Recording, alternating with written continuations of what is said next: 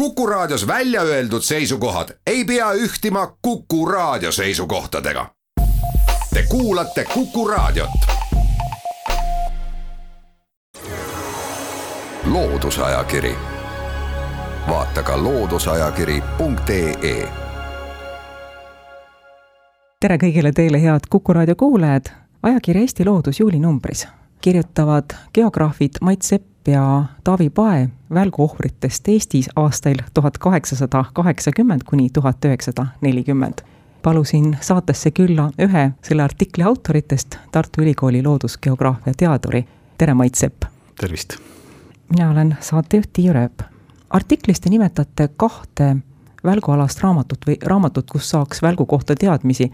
üks on Georg Varreti tuhat üheksasada kolmkümmend üheksa kirjutatud Pikne ja Pikse kaitsmeseadmed ja teine on Andres Tarandi koostatud Eesti kliima minevikus ja tänapäeval.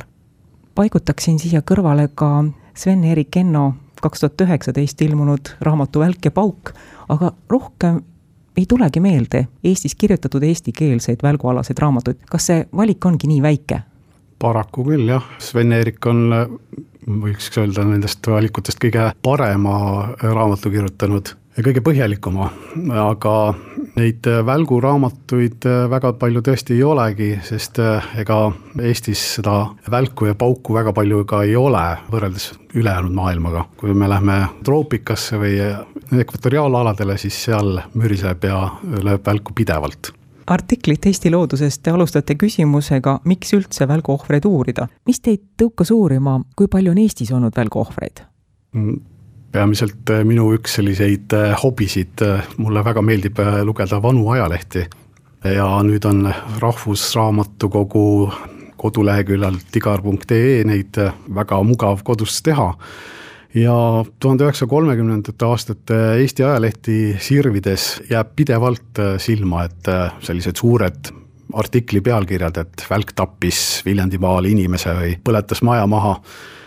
ja siis tekkis meil kolleegidega niisugune arutelu, et äh, kui palju neid ohvreid siis tegelikult on, noh, siin varasemad autorid, Varret ja eriti Andres Tarandi projekt on neid üritanud kokku lugeda, aga siis me otsustasime kolleegidega võtta asja põhjalikumalt ja siis tõesti kirikuraamatute ja, ja vanade ajalehtede põhjal siis kokku lugeda, et kui palju siis neid tegelikult oli. mismoodi see täpselt oli, kas te alustasite ajalehtede lugemisest? jah, võtsime ette siis selle Tea Tigari portaali, sisestasime sinna otsingusõnad välk ja pikne ja siis hakkasime seal neid äh, artikleid järjest läbi vaatama, et kus on siis kirjutatud äh, sellisest ohvriterikkast või, või inimese tapnud välgust ja kus siis on lihtsalt ilukirjanduslikult kasutatud sõna välk ja pikne. Neid äh, ilukirjanduslikke artikleid on oluliselt rohkem kui, kui õnnetuste teateid kui te leidsite ajalehest teate, et inimene on hukkunud välgu läbi, mida te edasi tegite, ega see, mis ajalehes kirjas on, seda ma ei tea kas, kas sada protsenti saab uskuda? kindlasti mitte, sest äh, ka üheksateistkümnenda sajandi lõpul ja kahekümnenda sajandi alguses oli ajakirjandus ikkagi noh, mõnes mõttes ka selline klikimeedia, et äh, kes esimesena jõudis uudise lehte saata, et see noh, oli siis tubli ja, ja seetõttu, kuna tolleaegsed äh, ajalehed sõltusid väga palju just kohalikest äh, sellistest äh, entusiastidest ja kirjasaatjatest, koolipapad, kes saatsid ülevaate, mis nende kihelkonnas on juhtunud, siis käis selline kerge konkurents, et kes jõuab esimesena uudise lehte saata ja nendes sajanditagustes lehtedes on päris palju sellist klatši ja ja noh, lihtsalt selliseid valeteateid või kuulujutte, et noh, kuuldavasti oli, juhtus seal midagi ja seejuures äh, selliseid teateid, et noh, vabandust väga, et nüüd läks uudis natukene valesti, et tegelikult see inimene on elus, neid äh, esines üsna harva.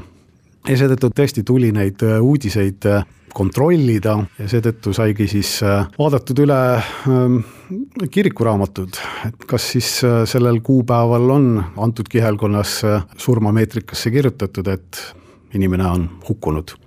kogu selle suure töö tulemusena, mida saate öelda, mitu välgusurma aastas oli Eestis enne tuhande üheksasaja neljakümnendat aastat? hinnanguliselt võib öelda, et äh, kuskil seitse-kaheksa inimest miljoni elaniku kohta. kui seda nüüd võrrelda teiste maadega, siis seda on päris palju. teiste sarnaste uuringutega võrreldes siis meie ohvrite arv on võrreldav selliste mägiste maade, Baierimaa ja Šveitsiga, kus umbes samal perioodil hukkus ka samas suurusjärgus seitse-kaheksa inimest miljoni elaniku kohta. näiteks Preisimaal, mis on Eesti maastikuga suhteliselt sarnane, aga palju tihedamalt asustatud, seal on rehkendatud kahekümne sajandi alguse kümnendite põhjal, et hukkus umbes neli inimest miljoni kohta, nii et meie hukkunute arv on suhteliselt suur. Mis seda tingis?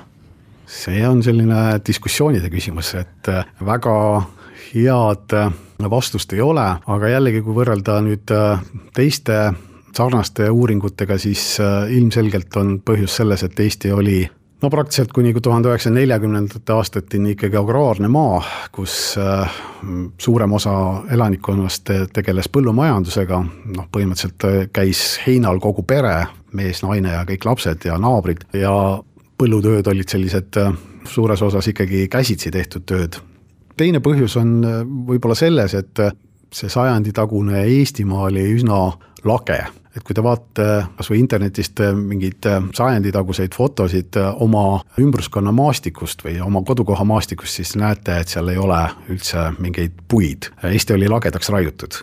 Ja võiski olla niimoodi, et kogu selle maastiku peale võiski olla siis kündev põllumees või, või heina tegev inimene, noh, kõige kõrgem objekt või siis kivi peal kükitav karjalaps, kuhu siis välk sisse lõi. kas lugedes vanu ajalehti oli ka palju teateid keravälgu kohta?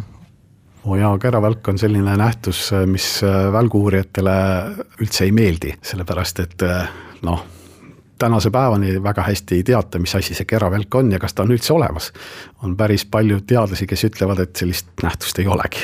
ja samas äh, ma usun, et praktiliselt iga pere sellises kodu või perelegendis on, on mingi jutt äh, keravälgust, mis siis äh, ringi lendas toas ja, ja kuhugi seina sisse või, või ahjukorstesse ära kadus. Neid uudiseid muidugi oli, aga jällegi noh keravälk on selline salapärane loodusnähtus, et, et noh, mis asi see on, seda väga hästi ei osata tänase päevani seletada. loodusajakiri, vaata ka looduseajakiri.ee. täna on saates külas loodusgeograaf Mait Sepp, saatejuht on Tiiu Rööp. enne vaheaega rääkisime keravälgust, mitmete legendide kesksest tegelasest. lugedes läbi tohutut ajalehematerjali. kas jäid silma ka selliseid ähm, verd taretama panevaid välgulugusid või selliseid, kus joonistubki välja, et inimestel on välguga seoses mingid uskumused, mingid äh, tavad?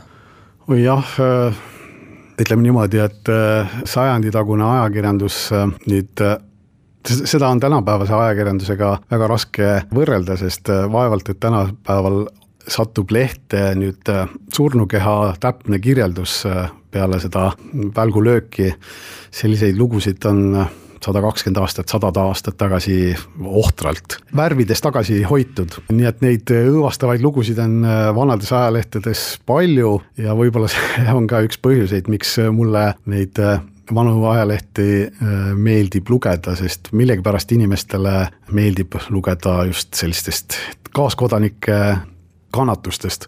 no neid äh, selliseid äh, noh, veidraid lugusid äh, on ohtralt ja võib-olla ongi selle üks põhjus, miks ajalehed ongi heaks allikaks äikese uurimisele, et, et seal selles äikese ohvrite lugudes on päris palju traagikat ja, ja sellist võib öelda, et jumalikku puudutust.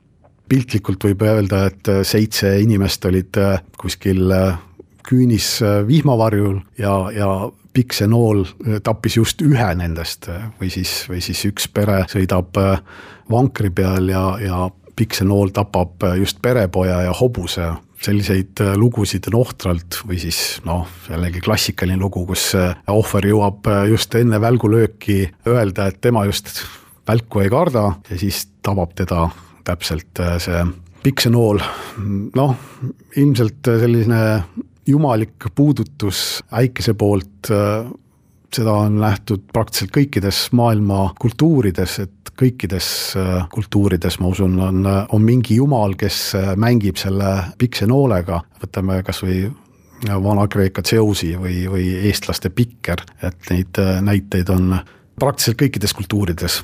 Ja see on ka vist üks põhjus, miks ajakirjanikud väga ajakirjanikele väga meeldis äh, kirjutada nendest äh, välguohvritest ja välgupahandustest. mõeldes välguohvrite peale, kujutame endale ette lagedal maastikul olevat inimest, kes võib saada välgust tabatud, kujutame endale ette seda, et inimene otsib vihma ja välgu eest näiteks varju mõne suure üksiku puu all ja see on just nimelt vale valik sellel hetkel. aga seda, et äh, inimene võis vanasti välgutabamuse saada ka siseruumides selle peale me tänasel päeval ei mõtle. mis on muutunud? kui nüüd äh, seda kauget aega vaadata, siis tõesti peaaegu pooled äh, meie poolt kogutud äh, välguohvrid või teated neist olid sellised, kus inimesed hukkusid tegelikult hoones ja kui nüüd vaadata neid kuutekümmet aastat, mida me uurisime, siis hoones hukkunute arv vähenes mõnevõrra selle perioodi jooksul. ja siin on äh, väga selge selline kultuuriline muutus, mida me jälgime. nimelt üheksateistkümnenda sajandi lõpul äh, tuli Eesti taludesse korsten ja läks moodi siis vähemalt äh, magamiskamber, noh, sellele siis põrand teha laudadest. see tähendas seda, et põhimõtteliselt kui varem ütleme, tuhande kaheksasaja kaheksakümnendatel aastatel oli üsna tavaline see, et välk lõi majja maja läks põlema ja nüüd majas olnud inimesed said elektrišoki ja noh, põlevast majast enam välja tulla ei suutnud, siis äh, selliseid äh, õnnetusi, selliseid äh, ohvriterikkad õnnetusi jäi ajapikku üha vähemaks ja vähemaks. et selline taluehituslik muutus toimus kindlasti ja ütleme niimoodi, et tuhande üheksasaja kümnendatest aastatest, kui neid äh, välguartikleid lugeda, siis äh, seal oli praktiliselt iga õnnetuse taga kirjutatud, et jah, et see talu oleks jäänud äh, põlemata, kui talul oleks olnud piksekaitse. piksekaitse muutus pidevalt üha populaarsemaks, sest inimesed nägid, et sellest on tõesti abi, aga kui me vaatame ka Verreti raamatut tuhande üheksasaja kolmekümnendate aastate lõpust, siis tema raamatus on ka ikkagi selline selgelt propagandistlik peatükk, mis siis seletas, et jah, et pange oma taludele piksekaitsed, et see siis hoiab teie vara. aga noh, ka kolmekümnendatel aastatel olid äh, sellised äh, tuleõnnetused, piksest äh, tingitud tuleõnnetused üsna tavalised. tänapäeval arenenud moodi need harvad juhtumid, kui inimesed hukkuvad välgu läbi, millistes tingimustes need juhtuvad, miks need juhtuvad? tänapäeval jah, on äh, maailmas äh, nii-öelda välguohvrid jagunenud väga selgelt kaheks, et äh, arenguriikides saavad hukka peamiselt ikkagi inimesed, kes teevad noh, põllutööd, samamoodi nagu sada aastat tagasi Eestis kogu perega põldu harimas ja siis nii-öelda need arenenud riikides on jällegi peamiselt ohvriteks äh, inimesed, kes veedavad vaba aega väljas. peamiselt saavad äh, hukka ikkagi mägedes matkajad, et siin äh, selle aasta juuli alguseski on, oli ju uudis Norrast, et kus kaks mägedes rännanud naisterahvast said välgulöögist surma ja kolmas sai raskelt viga, nii et sellised sportlased, äh, mägedest turnijad, et äh, nemad on arenenud riikides kõige peamised ohvrid. aga noh, siin võib jällegi öelda, et äh, selliseid inimesi on tõesti üksikuid, sada aastat tagasi hukkus Eestis enam-vähem seitse inimest miljoni kohta, siis nüüd arvestatakse kuskil null koma üks inimest miljoni kohta. kas Eestis on, kindlasti on, selliseid piirkondi, kus äikest esineb tihedamalt? Sagedus on suurem kui teistes piirkondades? no ikka, Eesti kõrgustikud, see on suhteliselt loogiline, meil tavaliselt äh, õhumassid liiguvad läänest itta ja suvel siis kõrgustikel õhk tõuseb, see nii-öelda soodustab äikesepilvede tekkimist ja üldiselt äh, on kõrgustikel meil äikest sagedamini. kas see tähendab automaatselt ka seda, et kõrgustikel juhtub inimestega ja välguga õnnetusi rohkem meie statistika järgi võib seda öelda küll, jah. aga siin on üks väike aga, nimelt kui me vaatame sajandi tagust Eestit, siis suhteliselt rohkem ka elas inimesi just Tartu ümbruses ja sellistes kõrgemates maakohtades Haanjas.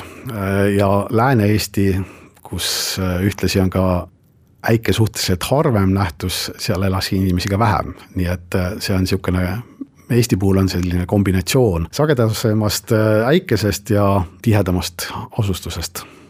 aitäh, Mait Sepp, Tartu Ülikooli loodusgeograafia teadur saatesse tulemast, aitäh vestluse eest välguohvritest Eestis saab huvi korral põhjaliku ülevaate ajakirja Eesti Loodus juulinumbrist, tänase saatekülalise ja geograafia kaasprofessor Taavi Poe kirjutatud artiklist. saatejuht Tiiu Rööp tänab kuulajaid, jälle kuulmiseni! Loodusajakiri, vaata ka looduseajakiri.ee